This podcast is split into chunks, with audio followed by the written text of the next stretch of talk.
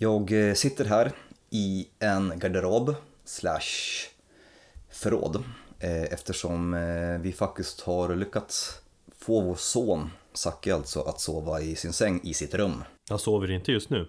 Nej, just nu sover han inte.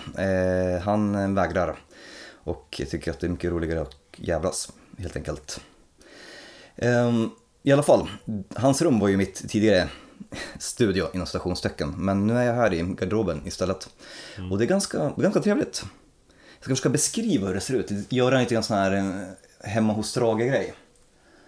Eh, fyra kvadratmeter, vita kala väggar. Eh, vi har två stycken barnvagnar, min låda med CD-skivor. Vi har ehm, våran ICA-kasse där man slänger ehm, tidningar. Och så vinterkläder. Och så är det sån här doft. Och det är den här doften som jag, jag, jag trivs. Det är en väldigt säregen doft. Det är en blandning av, av vet, så här, instängd, du vet hur det kan lukta hos eh, gamla människor ibland. Mm. Mm. Lite så blandning med eh, matos och lite så här unken ciggdoft. Och eh, jag gillar det, för det får faktiskt tankarna tillbaka till Polen och alla somrar som jag vistades där i, i min ungdom. Där var det alltid konstiga unkna dofter och cigarettdoft. Ja, ibland också även en liten hint av, av någon form av så här bakfyll eller någon, någon spritdoft. Och det är möjligtvis lite lukt av din ena pungkul också. Du tror det? Nej, det faktiskt, jag duschade. Om du syftar på mina jättekorta shorts där paketet trillade ur. Du visar ju mig ditt paket fast jag såg det knappt, men ja, det är bra. Bra, moget. Eh, nu blir det hårdrock. Ja.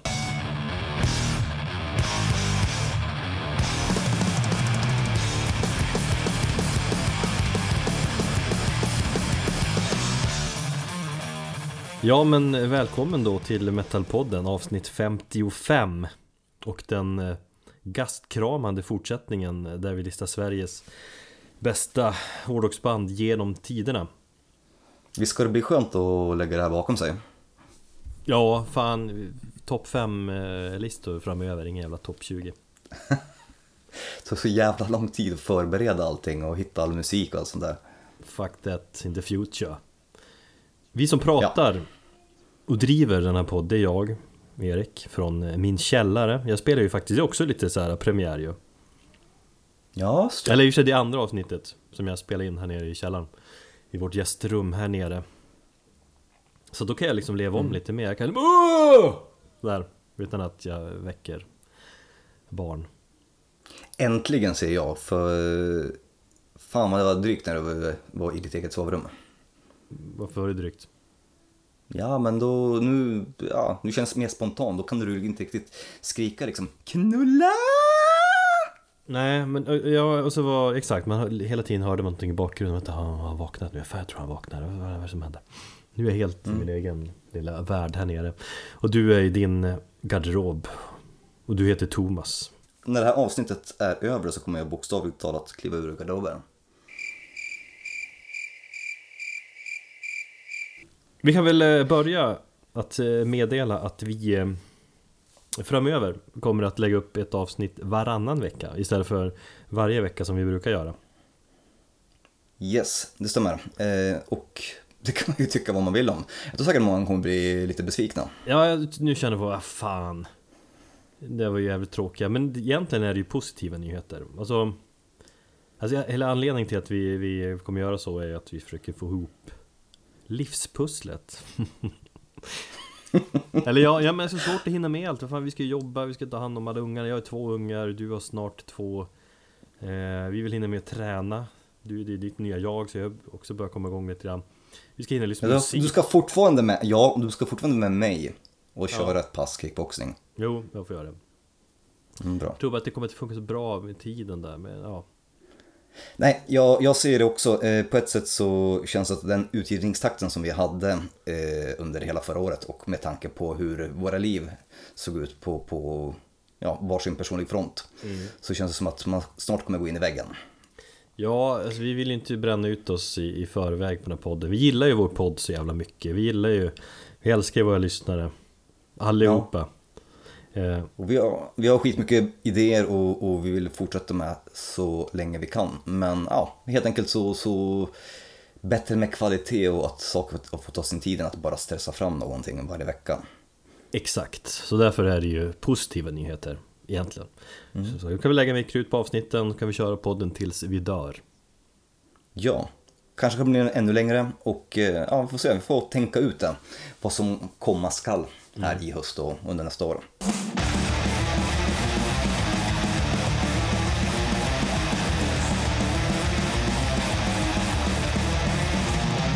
Nog om det. Eh, Thomas, har du lyssnat på eh, Tobias Forges sommar eh, i P1-program? Det gjorde jag faktiskt i fredags. Ehm, så gjorde jag. Ehm, Vad tyckte du? jag ska, ja, om jag ska vara helt ärlig så, jag, första ti- timmen, för det är ju 90 minuter, eller hur? Mm. Är alla sommarprat 90 minuter? Ja. Det är få som kan fylla upp Ja. 90 minuter.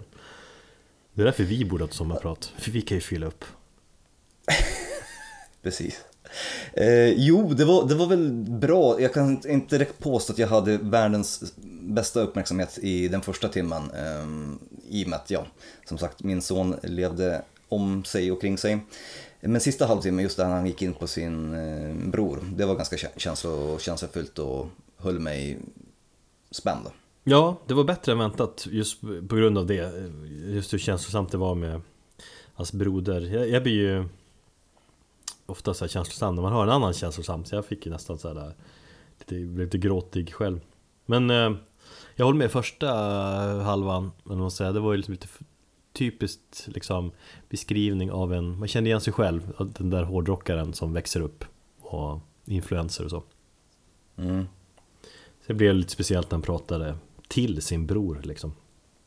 Precis. Eh, dock, får man säga, låtlista var väl lite, li- lite trist ändå va? Lite för typ såhär, här med klassisk eh, hårdrockig med Ozzy och King Diamond, Mötley Crüe var väl och AC/DC Det är såhär bara, ja. Kanske inte så jätteoväntat tycker jag. Ehm, nu, jag spolade förbi låtarna ganska snabbt som sagt, jag hade lite begränsad tid med att lyssna på det där så att jag kanske inte var i den optimala situationen. Nej jag lyssnar ju på eh, den versionen där man bara får höra några sekunder varje låt Men eh, jag noterar ju ändå låtvalen Mm, okej. Mm. Men det, det var lite kul med Eddie Meduza, Onkel Konkel och så här. Och det, just det, det reagerar jag på att han var med där ja. Mm. Har du lyssnat mycket på Onkel, Onkel Konkel? Inget alls. Nej. Det Jag körde, kan inte vi, min eh, onkel tyvärr. det körde vi stenhårt i när vi gick i sjuan, eller gick i sjuan som man säger ju när man är från Övik. Då körde vi eh, Onkel Konkels eh, jul, eller julplatta där. Då eh, Könsrock, visst är det Bögen överraskar röven, bögen överraskar röven och de där. och Ferdinand. Trivs bättre här, jag kan dra en liten runk och klämma på bollarna. Så jävla dåligt. Fan vad dåligt. Ja. Jag är ledsen, jag, jag, jag, jag kan inte Eddie Meduza överhuvudtaget. Eller Onkel On, Konkel. onkel. Konkel, ja. Nej men det kan Är du kolla upp. är, med- men vänta, är Eddie Meduza samma grej eller? Det är väl nog samma stil? Ja, ja alltså du sk- har ju skrivit några sådana eh, obskyrare eh, plattor också. Som är mycket sån där Ja, okej. snusk, könsrock. Men annars är det ju klassiskt raggarrock. Det är en genre som jag har väldigt dålig koll på. Ja, men du får börja med Eddie Meduza. Jag får köra Ja, topp precis. 5 Eddie Meduza framöver. Eller inte. Jag bara runkar och än så länge kan man inte åka fast för det. Jag var på konsert i torsdags Mm. och såg The Bronx. Samtidigt som jag hade lite ångest över att missa både An- Antichrist, Vanhelgd och Possessed på Kraken. Och eh, Korn på Grönan. eh, Nej, verkligen inte. Eh, Men eh, ja, det var lite trist att eh, de två spelningarna kolliderade med varandra. Men Mm. ja, The Bronx var så jävla bra. Och både jag och min sambo Caroline, vi lever rätt så gott på, på den kvällen än. Ja, fan det är härligt. att- ja, jag vet. Och jag blir så otroligt glad över att se henne Alltså hur hon lös upp som, som människa. Men man tänker på det här, hur hennes gra- graviditet har varit och hur hon typ egentligen varit fängsel, fängslad här hemma och inte kunnat göra någonting. Så det blir så kul att kunde komma ut och att det blev så pass lyckat också för att, eh, ja, det är fröjd i våra liv. Det är balans. Härligt. Ja, Yes, jag, Så det- ja. Nej men jag, jag har ju fått känslan av att The Bronx har gått ner sig lite grann sådär För att det är väl mest på skiva jag känner så ja lite grann med förra plattan Mm. kan jag tänka. Jag tror inte den, den blev ja, ganska ljummet mottagen. Ja men alltså det är ju inte samma superenergiska energi och det förstår man ju Men fan utifrån vad jag såg dina liveklipp Som du för övrigt la upp lite för många händelser för att Jag vet, jag tänkte på det. Fan, nu får se hur många som avföljer mig, två stycken. Jävlar. Nej men det var ju fan bra, bra just Men som sagt Fan dårar som filmar mycket på konserter Du måste du fan höll på flera minuter känns som Jag vet, eh, men både jag och Karo stod, på- vi fick en så jäkla bra plats så vi stod på ett bord över alla andra. Och hon hade precis en stol eh, nära till hands eh, ifall hon skulle behöva sitta ner. Eh, det var sjukt svettigt, eh, ett tag så var jag lite orolig för att hon kanske inte skulle palla det. Men eh, alla som var i publiken och som var omkring henne, de var så otroligt eh, omtänksamma. Och som var förvånade över att se en höggravid kvinna på en punkspelning. Eh, hon ville ju morsa, eh, skämtade hon lite grann, men eh, ja, det får bli nästa gång. Nej men det var, det var svinbra och det är som sagt, det här är andra, jag vet att det här är ganska vanligt på, på punk och hardcore-spelning, men inte på metal-spelningar vilket jag går väldigt ofta på, eller oftare än HC-spelningar då. Men att eh, Matt hoppar ner från scenen och är på samma nivå som publiken. Så var det ju när vi såg Pyramid också och det ger så jävla mycket till en spelning i form av energi och, och, och liksom upplevelse. Ja det känns som att man, ja, ja det är fan, det är grym känsla Och han var ju där nere under nästan hela konserten. Vadå så, jaha, så var det var det inte bara under någon låt utan han var lite då och då? Alltså de första två, tre låtarna så stod han på scenen, sen så var han nere bland publiken nästan hela tiden och sen gick han upp på mot slutet igen. Okej Så att majoriteten av spelningen genomfördes på, på golvet med i en jäkla moshpit fram och tillbaka. det, blir, det blir mer intimt när de gör så Det liksom förminskar ju avståndet mellan publik och band Både liksom fysiskt och, och mentalt och så Ja, jag sa det efter spelningen att jag har aldrig varit så genomblöt och svettig av att stå och inte göra någonting alls. För att jag var inte ens i pitten. Av förklarliga skäl, även om du hetsade och jag tror att Harald också hetsade mig om jag skulle stage-diva. ju, Jag hade gjort det. Det var ju lite mer på skämt kanske men som sagt jag tyckte filmade lite för mycket där. Men det var kul att du hade roligt. Det såg ut som att um, Att det var ett jävla drag i alla fall. Vi fortsätter med uh, Jag tänker att lista Sveriges bästa hårdrocksband genom tiderna enligt Metalpodden. Platserna 10 till 1 I det här avsnittet. Eh, och kom ihåg då du som lyssnar om du saknar något band Efter att du hört det här så går det bra att skicka hatmail till oss på metalpodden.gmail.com eller skriva till oss på Facebook och, eller Instagram eller, eller Twitter för den delen också. Vi svarar fan överallt. Ja, du svarar på Twitter, det gör inte jag. Men eh, nej, precis, hör av er och det var ju inte så mycket hatmail från förra avsnittet. Tvärtom, det var väldigt mycket kärlek och många som tyckte att vi var tillbaka. Ja, så var det verkligen. Det är så jävla härligt, för fan jag blir glad. Alltså det, det, det, jag får så jävla pepp av att bara höra såna här. Det är en liten gest. Ja, Fuck, nu låter jag som en jävla hippie här, men, men fan, love is all. man mår bra av kärlek faktiskt. Man... Det gör man. Senast idag fick jag ju från eh, Från Dave Du vet Ja, just ja. Dave, eh, Dead Express Dave. Ja Som vi ska snacka, det band ska vi snacka mer om framöver kanske Han skrev så här vi. Jävlar i helvete vilket bra avsnitt av podden Städning gick som en dans igår trots bakfylla Det är ett bra betyg Det skrev han till mig också. Jaha, du är så som kan kopierar det jag skriver Ja. skrev till oss båda Påkommen. För att han vill liksom Nej, vara ska- kompis med oss båda, ja ja Vi ska prata om Dead Express och vi ska ha en liten tävling i samband med det framöver. Bra, eh, nej men vad fan, vi slänger in oss på, på listan. Eh, för det kommer nog bli en hel del snack här, kan jag tänka mig. Så att jag, jag kör väl. Plats nummer 10. Mm, Monolord. Så jag tycker det känns som en ganska rimlig plats eh, för eh, ett band som har tre skivor i, i ryggen, eller ja, de kommer ha tre skivor här med Rust som släpps eh, 29 september. Samtidigt som de, de är nya, men de har inte sprillans nya så att eh, de har på något sätt visat vad, vad de kan göra med sin musik. Och speciellt med den nya skivan tycker jag. Ja, alltså framförallt är det band som vi, vi gillar jävligt mycket just nu också.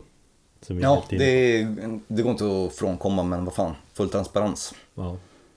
Vi gör ju detta för att vi älskar musiken. ja. Men Monol får väl anses vara det band som är störst av den här äh, så kallade vågen av svensk dom som är över oss. Nej, men, och så mycket storhet tycker jag ligger i att det är, äh, liksom, det är nedstrippat. Om jämfört med Många andra domband så är det liksom eh, lagt gitarr på gitarr och mattor av fuzz liksom. Här är, har de liksom nedstrippat till själva Ja, det är till kärnan i som låter- soundet. Ja, det är en trio som kan låta jävligt tungt utan att liksom lägga på en massa onödiga grejer. Nej, precis. Och det gör det hela tyngre på något vis. Ja. Eh, Alltså just det här med att de, eh, liksom, ja, om man säger är ledarna av den här scenen. Ja, det får man väl ha åsikter om. Jag, jag tycker väl att det är väl de, de banden som på något sätt kom som någon frontfigur för scenen.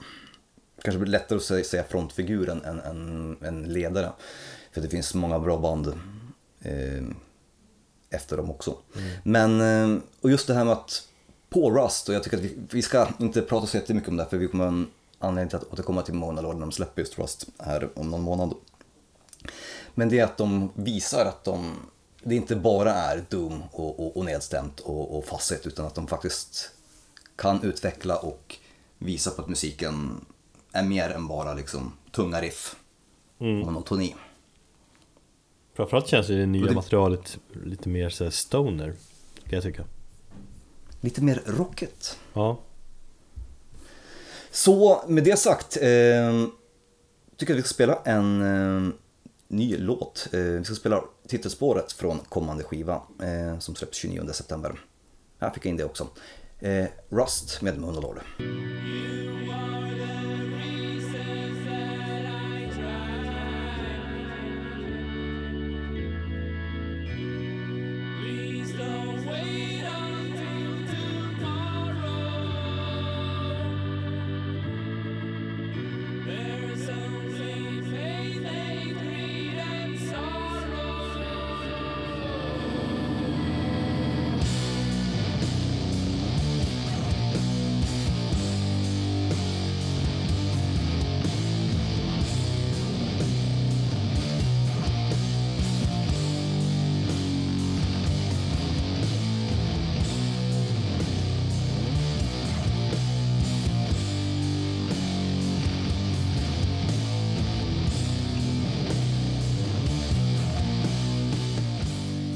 Plats nummer nio, Katatonia. Som... Också en rimlig plats. Ja, precis, jag skulle säga. Också en rimlig plats. Eh, en av mina absolut största så kallade samtalspartner inom musik. Det gäller ju även dig, vet jag. Mm, absolut. Eh, vi hade väl ett specialavsnitt, ett av våra tidigaste avsnitt om Katatonia. Eller var du som gjorde en djupdykning där då, va? Om jag minns rätt. Ja, det var lite personliga minnen kopplat till, till vissa låtar. Ja, Så var det. Det var en eh, nostalgitripp som vi kallar det. precis. Det var bra, minns jag. Eh, Jag började lyssna på Katatonia med Viva Emptiness-plattan som kom där tidigt. 2000-tal, 2001, något Det gjorde, jag, sånt. det gjorde jag också. Ja. Eh, jag tror dock att favoritplattan är, men det är The Great Cold Distance. Alltså deras albumtitlar nu jag tänker efter fångar ju liksom så klockrent på något vis deras sound och hur, hur de låter. Viva Emptiness. Ja, absolut. Ja, alltså Viva Emptiness, den har jag haft, eh, jag var fan en sån här på att ta- tatuera det en gång någonstans på kroppen. Men tur att jag inte gjorde det. Nej men Last Fair Deal, deal Gone Down, Ja. snyggt det också. ja, det är jävligt snygga albumtitlar. Mm. Jag gick igång framförallt på banden för att det var så snygga Snygga låtar och, bra produktion men framförallt för det här melankoliska som man Som man är jävligt svag för Just det här sorgsna som ligger över musiken och Ja det berör, just när man är nere och nere i mörkret då är ju Katatonia ett av de bästa banden att lyssna på. Kul kur- kuriosa faktiskt. Jag eh, dejtade tjejen på omslaget till eh, Katatonias EP Tear Gas. Ah, fan mäktigt. Ja.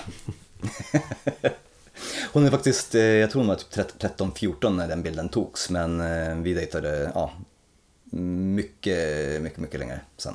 Vi lyssnar på låten My Twin som eh, kanske bästa låten från The Great Cold Distance.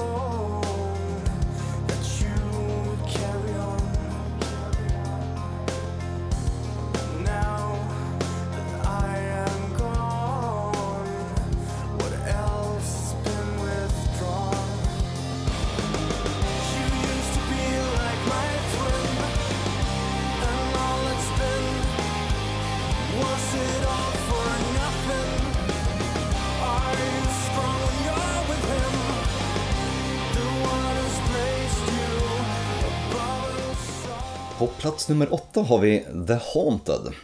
Yeah. Alltså alla de här eh, platserna som vi har från 10 och upp till 1 har vi, jag tycker de är väldigt rimliga. Jag är väldigt nöjd med dem när jag, när jag ser dem så här nu på, på pränt. Du menar också ordningen, vart de ligger i listan? Ja, precis. Jag känner att alla de här tio banden är jävligt bra band. Jag skulle kunna slänga upp Haunted på första plats ibland också.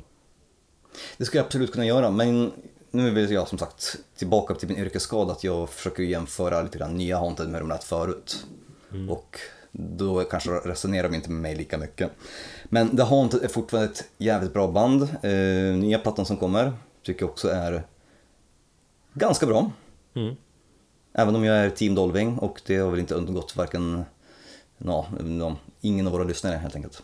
Men eh, vad kan man säga om The Haunted? Det, det är ett av de första alltså, thrashbanden som jag hörde, thrashbanden, eh, thrashbanden som jag hörde där 98 när de släppte sin eh, debut med Dolving då på sång. Mm. Och sen så gick jag ju vidare till The Haunted med, det kanske var så att jag hörde The Haunted med Me Do It före 2000 och sen så upptäckte jag, och sen så trodde jag att bandet hade eh, upphört. Så jag blev ganska förvånad när One Kill Wonder kom. Och det var kanske den plattan i, i diskografin som jag tycker är så här, ja, sämst eller om, svagast. Den är lite för endimensionell. Precis, även om den låter jävligt mycket Slayer tycker jag. Ja, jo. Eh, jag kan tycka det är, det är lätt att göra en jämförelse med the Gates. Eller jag gör gärna den jämförelsen i alla fall eftersom tre, Jag visste att du skulle göra den. ja, tre medlemmar från the Gates bildade ju The Haunted. Eh, Just ja. Väl, tvillingarna och Erlandsson var ju med på första plattan. Men jag håller ju The Haunted för the Gates alla dagar i veckan. Mycket eftersom just att de, de gjorde ju så mycket mer. Genremässigt så har de ju, visst det är ju, det är ju det är framförallt den här thrash, eller döds-thrashen, det är ju en hårdare form av thrash metal. Jo, Men det är även mel- mel- melodisk eh, döds i det hela och så fan även lite groove metal är det ju. Om man ska hårdra det hela. får sluta, ja, får sluta använda det, men jo, ja, det, groovigt är det väl. Ja, ja, fan. Jo, men de har ju några alltså Pantera-stuk-låtar. Det måste man ju erkänna. Mm. Nej, men de sa att de hade en av världens bästa metalsångare i Peter Dolving i bandet under många år i alla fall. Och världens bästa texter i Revolver och The Dead Eyed också, fortfarande. På gåshud när jag läser dem eller när jag hör honom skrika dem. Ja, sjukt bra. Eh, alltså, låten vi ska spela här, som du har valt. Mm. Jag fick nästan, nästan en rysning där, men just det jag har valt att låta älskar jag. Um, jag har liksom alltid varit en av mina favoriter på The Revolver-plattan. Min också. Det, jag vet inte om vi har pratat om det förut. Jag tror inte vi har gått in på vilka eh, våra favoriter är just på den plattan, men eh, jag, för nu blev jag förvånad att du säger det. Ja. Men det har, varit, det har varit länge en självklar favorit hos mig, men det är första gången jag hör att det var din grej. För att just när du skriver, då funderar jag på- jag var det jag som har valt den här låten? Eller nej, det var ju fan Thomas. Eh, nej men just att jag gillar den låten så mycket, det just det här äh, dramat i känslan av låten, just, hur kan jag säga, om drama Bra i metal uttryck. som, som jag älskar. Eller just den här, ja, men jag tror du vet, förstår jag, Jag förstår precis vad du menar, Ja. jättebra beskrivet. Alltså, ja, hans, hans röst och olika lägen och känslomässiga stadier som man går igenom i låten. ja. Det är som en, det är en nerv. Det är nervigt. Eller Dramatisk känsla. Alltså, när det känns på allvar. Det, det, visst, det kan man ju fan höra i, i, liksom i storslagna ballader och sådär också. Men just i eh, metal, när det, blir, när det är våldsammare och, och råare, då är det på något vis mer, mer äkta. Just när Precis. man får känna, ha den, den, den nerviga känslan. Och det gör ju Dolving så jävla bra, och just på den här låten också.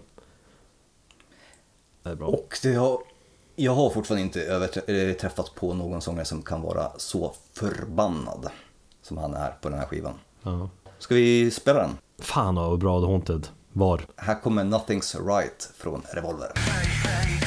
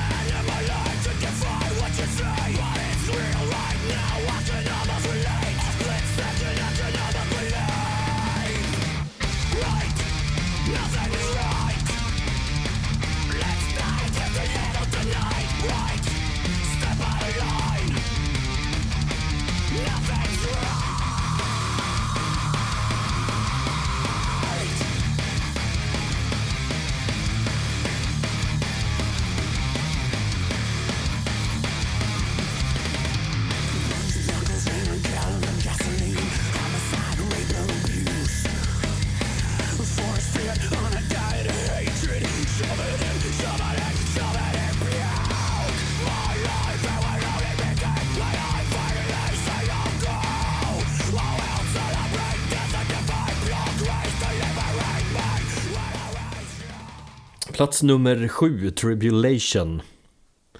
Vampyrmetal av eh, allra högsta klass. Eller hur? Alltså säger du vampyrmetal så skulle jag vilja placera den på plats 100. Men som tur är så vet man ju vad, vad bandet går för. Ja, också band som vi båda gillar väldigt mycket som vi blivit lite kära i. Ehm, också ett band eh, som man måste se live för att verkligen förstå liksom, till fullo på något vis. Ehm, Mm, det stämmer. Just hur de sminkar sig och hur de jävla coolt de rör sig på, på scenen och dansar runt med sina gitarrer. Det är jag jävligt svag för. Dock då att jag inte var helt såld. Det var bra, men jag var inte helt såld på den eh, spelningen. Du hade en dålig dag. Visst hade du det? Du var lite putt. Eh, möjligt att jag var det, men jag vet att det var, det var snöstorm, det var mitt i den mest stressiga perioden av, av mitt liv och faderskap. Så det kan ha påverkat en hel del. Jävligt mycket trött man var det. Mm, det minns jag. Men det var bra. Ja. Nej, de är jävligt bra. De är ju också ett band som jag tycker storheten ligger att de utvecklats så jävla mycket. Um, För första plattan som Ja. släpptes snart tio år sedan ändå va? Nej. De bildades kanske för tio år sedan. Var det bara, jag tänkte tidigare än 2000, jag tänkte på, nej vänta vad fan, när kom The Horror? 2009 kanske? Kommer jag ut Ja nu blev jag väldigt eh, osäker, bara för det så måste jag kolla upp det. 2009 kom den. Ja, fan ibland har jag koll. Det är härligt. Nej men den plattan var ju, den var ju mer eller mindre ganska eh, liksom renodlad döds. Sen har de ju utvecklat och spelat mycket annat. Alltså, det stil är ju ganska svår att beskriva. Det är ju döds influenser i bakgrunden men det är ju mycket gotrock och mycket psykedeliska inslag.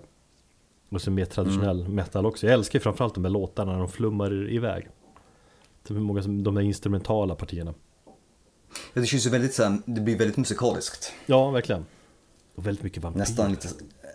Ja, men det, där har du också lite drama i musiken för i, i, i, i själva gitarrerna och, och deras ljudbild så, så händer väldigt mycket så det blir nästan lite grann som en opera.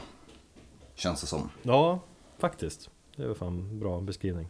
Det ska bli intressant med eh, vad de, nästa album, hur det kommer låta nu när de har en ny trummis också. Det verkar som att skivan är skriven och håller på att spela in den. Som jag förstått Utifrån vad jag sett på Instagram så eh, verkar trummorna vara lagda. De, de, de har ju faktiskt en ny trummis i Oscar Leander från eh, Death Stars. Spelar han. Så var det okej. Mm. Eh, Det är fjärde trummisen de har nu. Kollar upp. Är det så? Det är lite märkligt när det, när det blir sådär, alltså när det är en det är medlem som aldrig lyckas bli eh, permanent i ett band. Ja, det är ungefär så som eh, Truck Fighters har. Alltid, alltid den trummisen som, som måste rulla. Ja, just trummisar brukar ju ha sån där äh, sån plats. Eh, jag tror Danko Jones har typ rekordet. Jag tror de är inne på sin ni- nionde trummis eller något sånt där sjukt. Det stämmer nog fan, ja. Det är Spinal Tap-varning som fan ju. ja. Lite trist med, med gamla trummisen då, eh, Jakob där. Han är ju... Eller trist, han ville väl gå vidare. Men det är en trevlig prick. Jag minns jag mötte upp honom eh, en gång och köpte The Formulas of Death direkt från honom. Jag har för mig att, ska inte han gå och göra en soloskiva? Ja, något, något sånt kanske. Jag kan eh, missta mig, men jag har för mig att jag har eh, hört någonting. Jag fick någon, någon demo, eller det var någonting på jobbet som jag hörde. Som var så här psykedeliskt, lite folkrockigt, akustiskt. Det skit, lät skitbra. Mm. Jag tror att det var han faktiskt. Kanske ledsnare. När jag träffade honom då berättade han om, om en turné de skulle göra, eller hade gjort, eh, i staterna. Jag tror 30 dagar och 30 spelningar. Eller något sånt där. Fan, ja. Mm. Och hur de eh, bara såg liksom spelstället. Då- Fan vad trist. Ja, fast nu näst, eller den efterföljande turnén då skulle de få åka, åkte på natten och kommit fram på dagen så kunde de hinna turista lite. Men annars såg de bara liksom lokalen. Varit i alla stora städer i USA men bara sett liksom spelställen. Ja, det är fan trist när det blir så. Men jag kan tänka mig att det är många turnéer blir så. Mm. Så jävla slitsamt nog. Men Tribulation Plats sju, så måste man kolla upp om man inte har hört dem förut. Vi ska lyssna på When the Sky is Black with the Devils Från andra plattan av The Formulas of Death som jag, eller nja Tyckte var min favoritplatta men jag kanske tycker att senaste ändå är bättre Det tycker jag också. Jävligt bra plattor hur som helst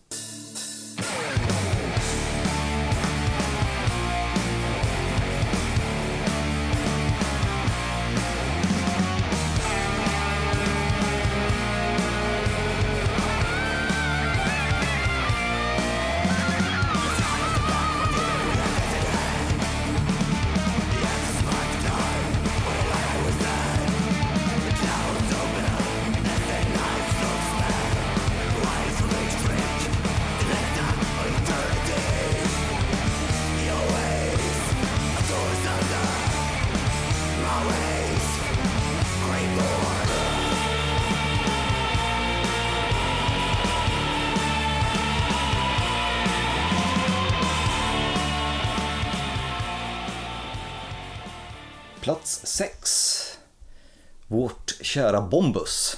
Ja, och alla som lyssnar på den här podden vet, vet ju mycket väl ska det bandet Undrar hur många som trodde att vi hade dem på plats nummer ett? Vi har ju besök här hos, hemma hos oss och då, de trodde ju att Bombus skulle ligga etta.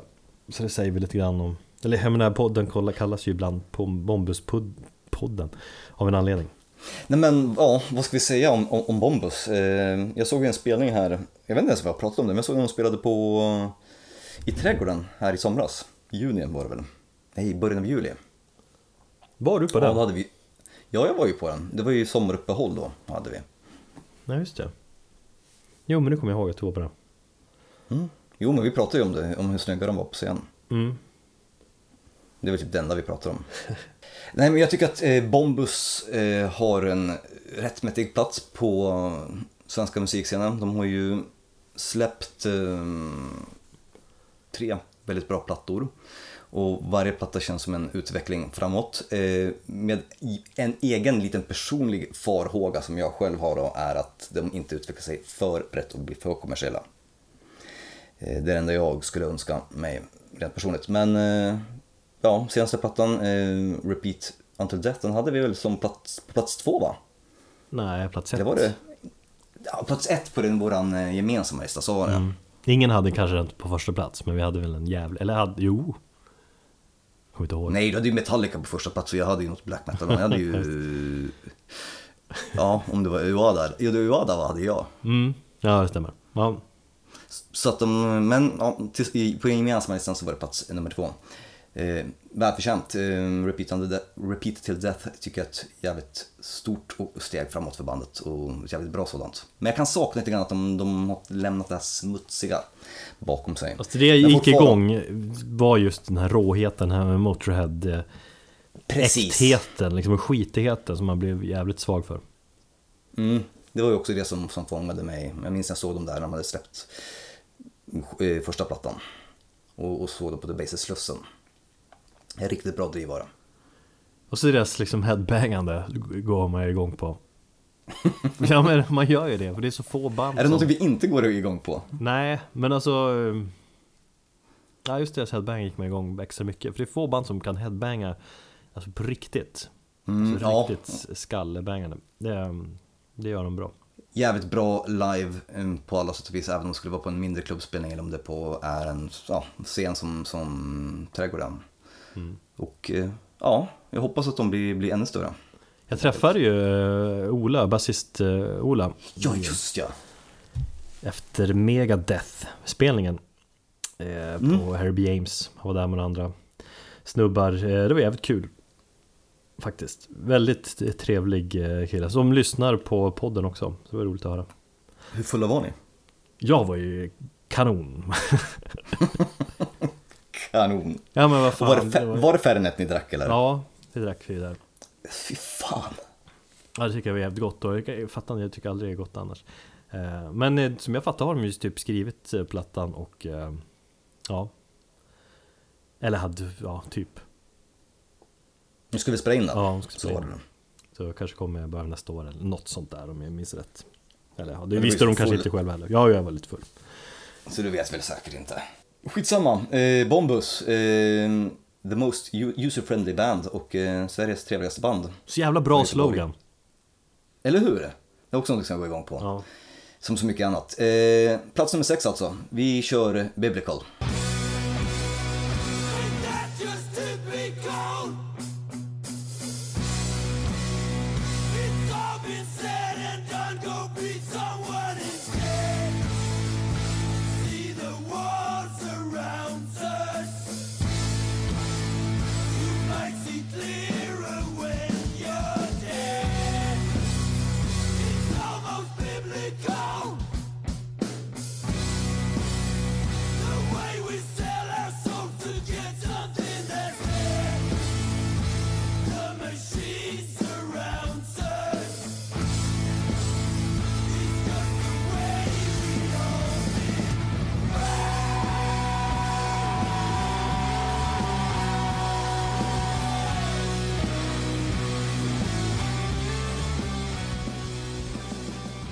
Plats nummer fem, nu börjar det ju närma sig här.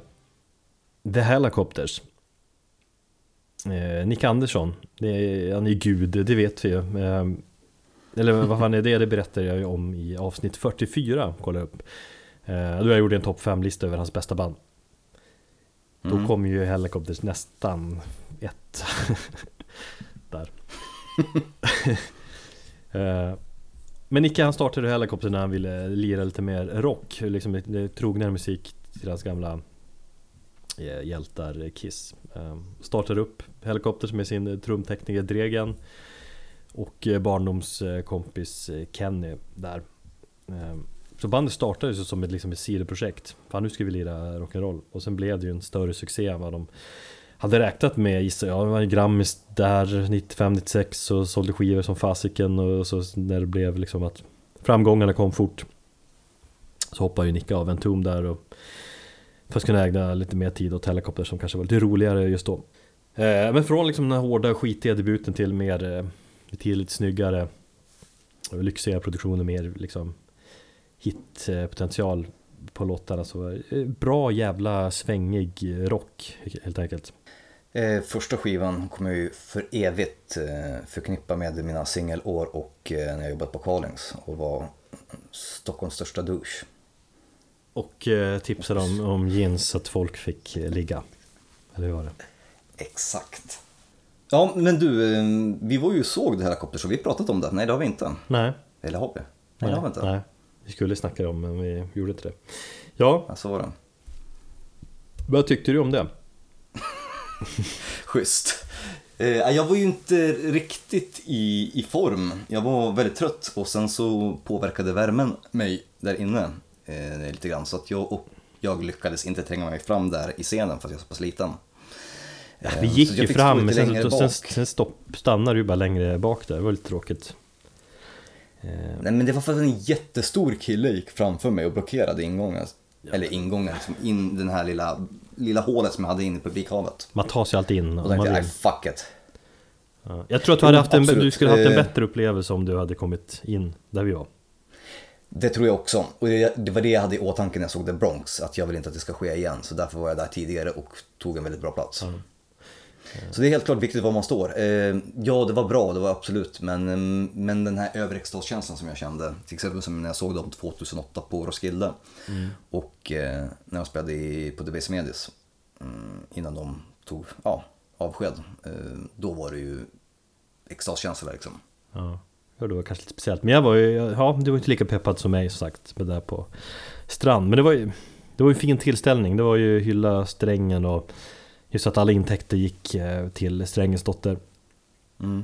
Och så så jävla coolt att se helikopter på en liten klubbscen. Då är det ju därför de, de är ju gjorda för en, en sån scen liksom. Det är ändå där de hör Exakt. hemma. Där det är varmt och svettigt och blodigt.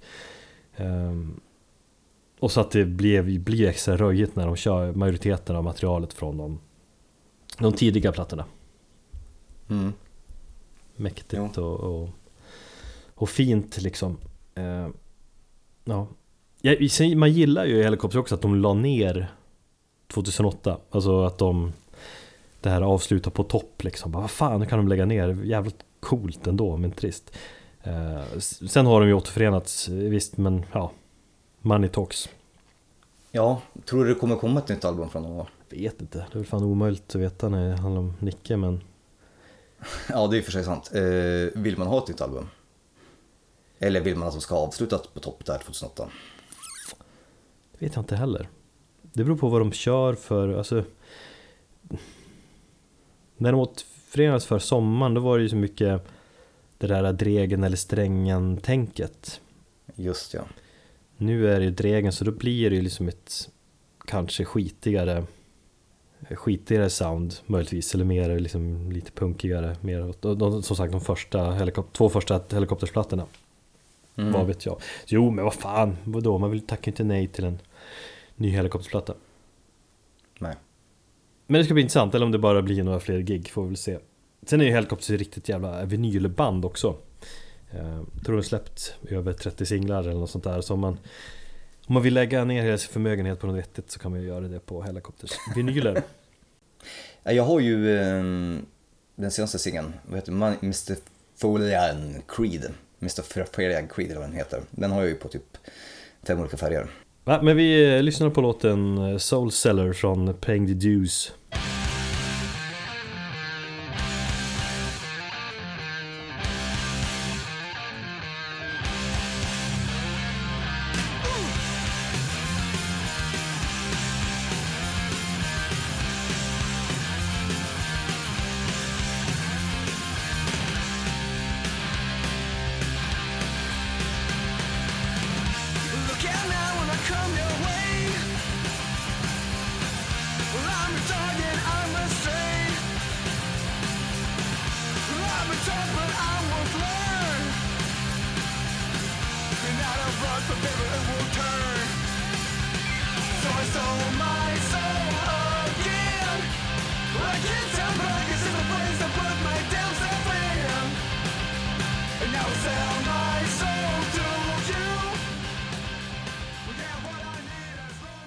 Nummer fyra. Opeth. Eh, Ett band som har genomgått eh, ganska många olika faser i sin eh, musikaliska karriär och som jag tycker fortfarande är intressanta. Även om jag hade svårt för just den progressiva perioden som kom så lyckades jag faktiskt lär, eller jag, lär, jag lärde mig att eh, uppskatta den. Och just nu så tycker jag den är väldigt bra och jag tycker fortfarande ett band som jag håller väldigt mycket utkik för, utkik efter. Eh, trots att min, min peri- period med dem är, ligger ju där kring slutet av 99, 2000 när det var progressiv, episk eh, döds. Jag håller ju eh, Ghost Reverie som deras bästa. Mm. Fan vad mycket skit de fick för den när den kom. Det fattar inte jag faktiskt. Alltså, Det är två, två grejer som folk eh, hackade ner på den skivan. Det var dels att de låg på Roadrunner, eller att de hade skrivit på för Roadrunner för den plattan och då trodde folk att de automatiskt skulle sälja sig. Ja. Eh, och sen att den är, har väldigt mycket, att den är lite amerikansk i sin känsla, är att den har de här chugga-chugga-riffen, vet, start, stopp, start, stopp. Och det hade inte Opeth gjort lika mycket tidigare. Men var det inte, alltså, ja det har jag inte riktigt analyserat tänkt så men Det är väl mycket, alltså just de här progressiva inslagen har tagit, eller gått ett steg närmare mot vad, vad det är idag. Att det börjar tydligare där. Kanske. Jo, absolut. Jo, Ehm, det kommer väl också, ja det kommer väl säga, det kommer väl i på Damnation-skivan också. Jo. Men vad fan, Ghost Rivers är ju svinbra platta, bara som de två första låtarna där är ju liksom omänskligt Jag håller med bra. om att den är, den är, den är svinbra. Ja. Annars kan man väl släppa, eller säga att Att de har släppt eh, Vad är det, 12 plattor eller något sånt där. Så Mm. det, det är ju liksom en hel musikvärld i sig att ta sig igenom Hela liksom Opeth-katalog Det tar ju några timmar. Jag kan ju erkänna att jag Jag har inte helt hundra koll på de tidigaste plattorna. Där kräver det fortfarande några timmar till för att helt liksom komma in. Men just från Blackwater Park skivan och framåt så har jag ju lyssnat som fan. Världens tråkigaste skiva. Nej, skärp det. Ja, har vi snackat eller bråkat om förut. Eh, nej men som sagt, säg vad man vill om eh, deras nya period. Det finns vissa som tycker att den är helt fantastisk. Eh, det här prog-rockiga då. Eh, jag tycker att, eh, eller jag har sjukt mycket respekt för Mikael Åkerfeldt för jag tycker han verkar vara en så jävla grym och karismatisk människa. Och som har ett tydligt mål med vad han vill med sin musik. Så att därför så vill jag på något sätt också respektera, för det tog ju mig väldigt mycket tid också att lära mig uppskatta den här nya delen av Opeth. Ja, alltså Framförallt respekten man känner, alltså även om man har lämnat Alltså den här progressiva dödsen kan man inte beskriva det som längre. Nej, Och sen slutat growla som och kör 100%, 100% sin progressiva rock. Eh, Om man är ganska hård sån, det är ju liksom, det är förbannat coolt ändå ja. Gör verkligen som man vill. För jag fick bara en minnesbild nu när jag Massa, massa år sedan. När jag var nere i Stockholm och innan jag bodde här långt tid Och träffade honom på På Kellys. Där jag träffade honom, Mhm. så jag sett honom tre gånger. Men då hade jag så analog kamera. Och tog bild, skulle ta en bild med honom. Eh, Och var hur peppad som helst, alltså ta en selfie med honom. Sen hade jag ingen Det var innan det hette selfie. Ja, precis. Men jag hade, ju- hade ingen rulle i kameran. Upptäckte jag sen. Amatör. Ja, och trist. Borde väl känt på tyngden va? På kameran. Ja, kanske. Men vi höll ju på med att byta när rullar, vad fan. Det var andra tider. Kul! Mm. Vi ska ta och lyssna på Wrath från Deliverance. Eh, där har vi eh, väldigt teknisk dödsmetall. Åkerfeldt är ett geni och förblir ett geni.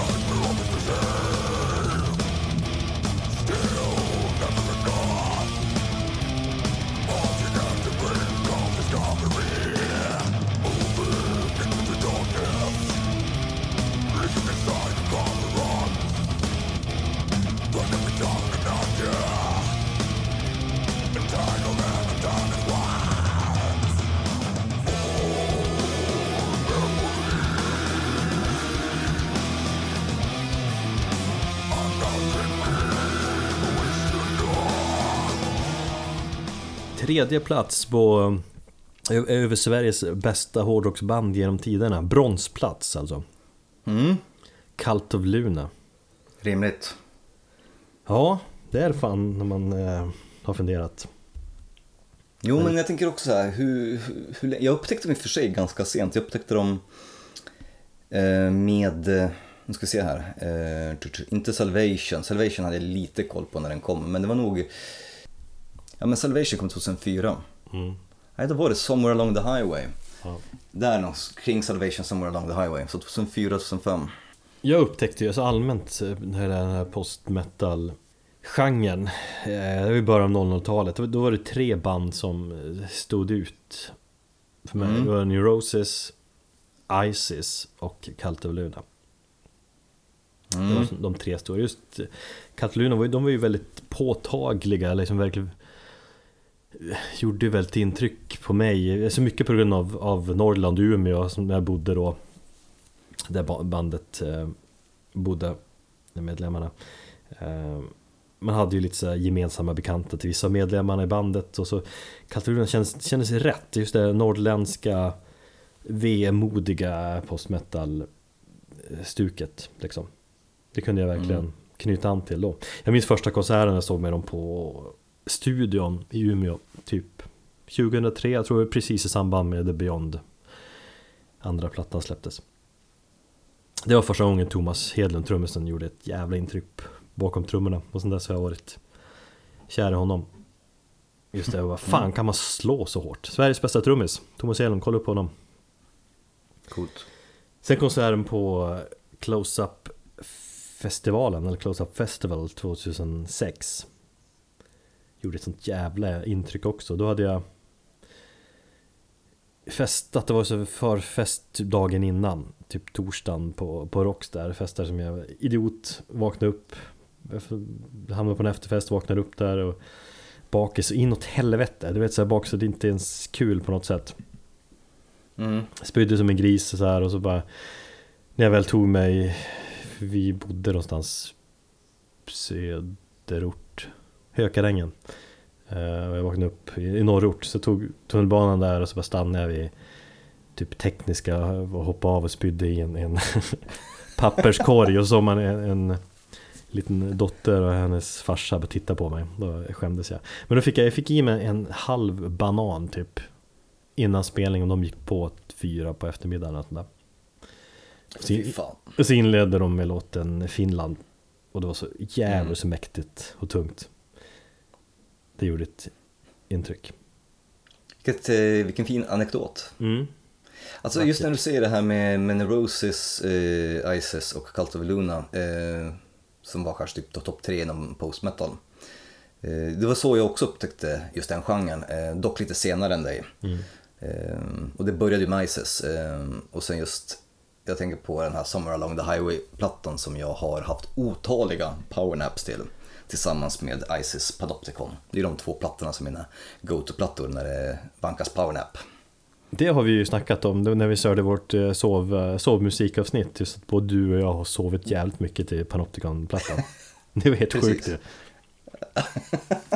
Ja, men det, är bra att vi, att vi är lika på den punkten. Det är, det är en jävligt skön platta att chilla till. Ja, verkligen Men vi lyssnar på In Avov eh, från Vertikal eller Vertical De släpper ju minst en riktigt sådär överepisk låt på varje platta. Exakt det jag också tänkte säga. Nej men det är som att de, de bygger sina plattor utifrån två, tre låtar, så någon sån här bergstoppar, här har vi den här bergstoppar, här har vi den. Och så bygger vi musik runt Runt de här låtarna, eller på, alltså man får den känslan på något vis. Det är ju plattans bästa låt och kanske till och med eh, bandets bästa låt. Måste jag faktiskt säga. Ja, Jag tror jag håller den i alla fall topp tre. Tillsammans med säkert någon låt ifrån eh, Somewhere Along the Highway och sen någon från Eternal Kingdom. avslutaren från Somewhere Along the Highway, alltså Dead City, vet han? Dark Dead City Dead Man. Ja, det tycker jag är deras överlägset bästa. Men den här kommer ju inte långt eh, efter.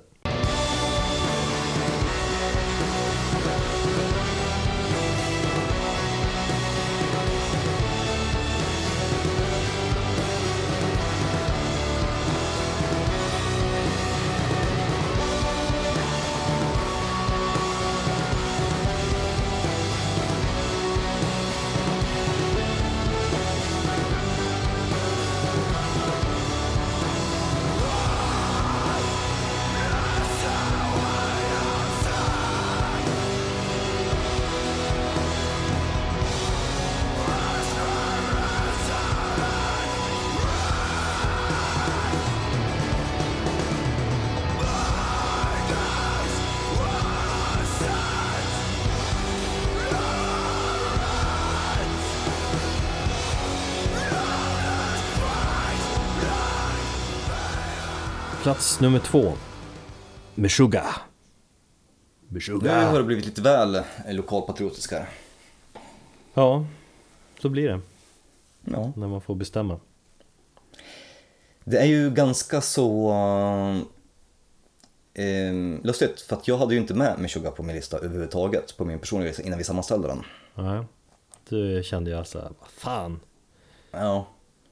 Men sen så tänkte jag till och även om det inte är mitt favoritband och, och så, så, så kände jag att det går inte, ja om vi nu ska gå tillbaka till de här tre olika faktorerna som jag ut, utgick ifrån så går det inte att förneka Meshuggah och att jag faktiskt lyssnar på dem en hel del även om jag kanske inte håller dem lika högt i toppen som många andra band.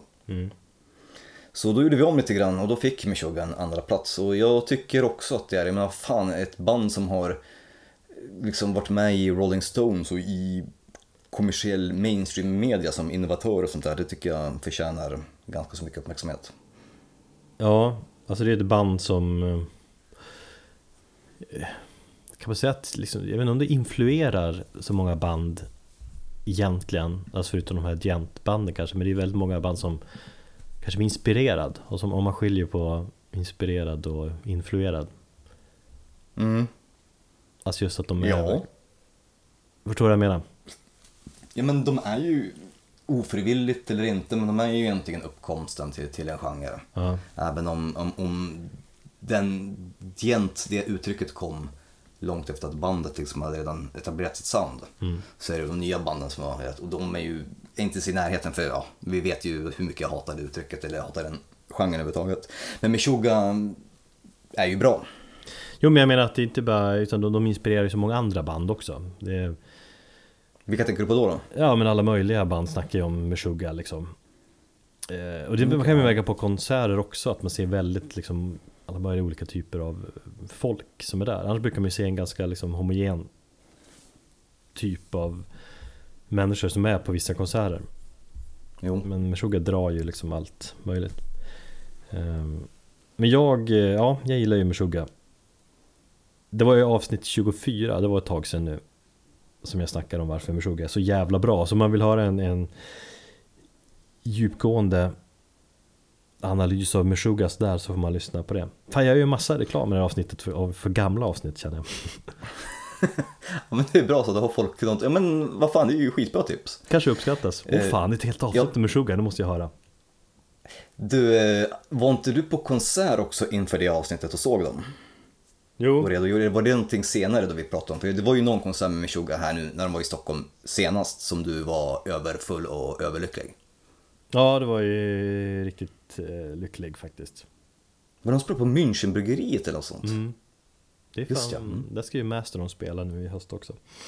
Det är bra lokal. Eh, men hur som helst, jag blev frälst i Meshuggah när jag var 15, 96 där, när jag lånade Destroy Race Improve av brorsans polare Johannes. Eh, ja, men den här fan tekniska, progressiva, störda thrashen imponerade. Också Och så- den skivan som jag upptäckte bandet på. Ja. Och så har jag liksom följt bandet eh, slaviskt egentligen sen dess. Och så du är inne på att, eh, att jag är lite patriotisk liksom. Och visst, jag gillar dem eftersom halva bandet är från Övik och andra halvan är från Umeå, den två städer som jag har bott i förutom i, i Stockholm. Men de är ju. Det, Det är alltså- lugnt. Ja, det är lugnt. Jag Men, de inte är, dig. men det är framförallt är de ju så jävla unika och coola. Jag ska inte svära, jag får höra från min brorsdotter att jag svär mycket i den här podden ibland. Ja men du, min pappa lyssnade på senaste avsnittet och eh, han blev nästan, han fick en sån här en sån orolig blick när han hörde mig och bara Vad du svär? och, så, och, så, och så sa han så här, och lyssna på din kollega. Han, han är ju både sitt språk och precis då gick han ut ur rummet och då började du hålla på med att svära som fan. Svära som fan. Då lyssnar vi på Combustion från Obscen-plattan.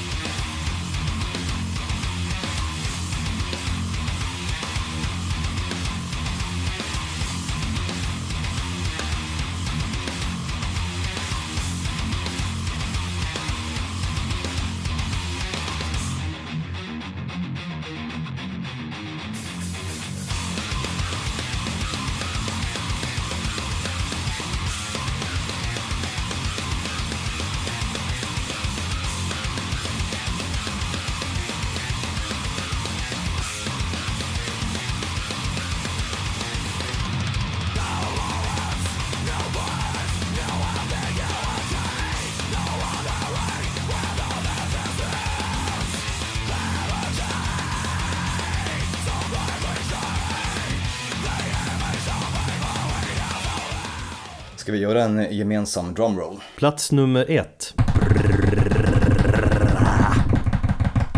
Entombed såklart. Ja, Entombed! Där kom det! Ja, men det är Är ju det fan... så förvånande? Nej, det är det ju inte. Eller jag, jag, inte, jag har ju sagt länge att det är Sveriges bästa hårdrocksband. Eller det säger jag hela tiden i alla fall. Men alltså faktum är när jag tänker efter, jag tror att jag verkligen insåg det så här 110% förra hösten när de spelade på Close-Up-båten. Ja, Eller, då, eller jag menar då, då bevisar de det på något vis. Just den spelningen, vad fan Förra årets eh, bästa spelning tycker jag. helt klart. Och så just de här gamla sagt- gubbarna, Nicke, Uffe, Alex, visade vart eh, dödsskåpet eh, skulle stå. Mm. Och att det funkade när man byter ut två medlemmar också. Ja, Hur bra det blir. Nej men som sagt, eh, vad, vad, vad kan man säga om, eh, om, om en tom som, som inte har sagts i den här podden? Eh, Våran podd baseras ju, eller ja, grunden lite grann för den ligger ju också i en tom.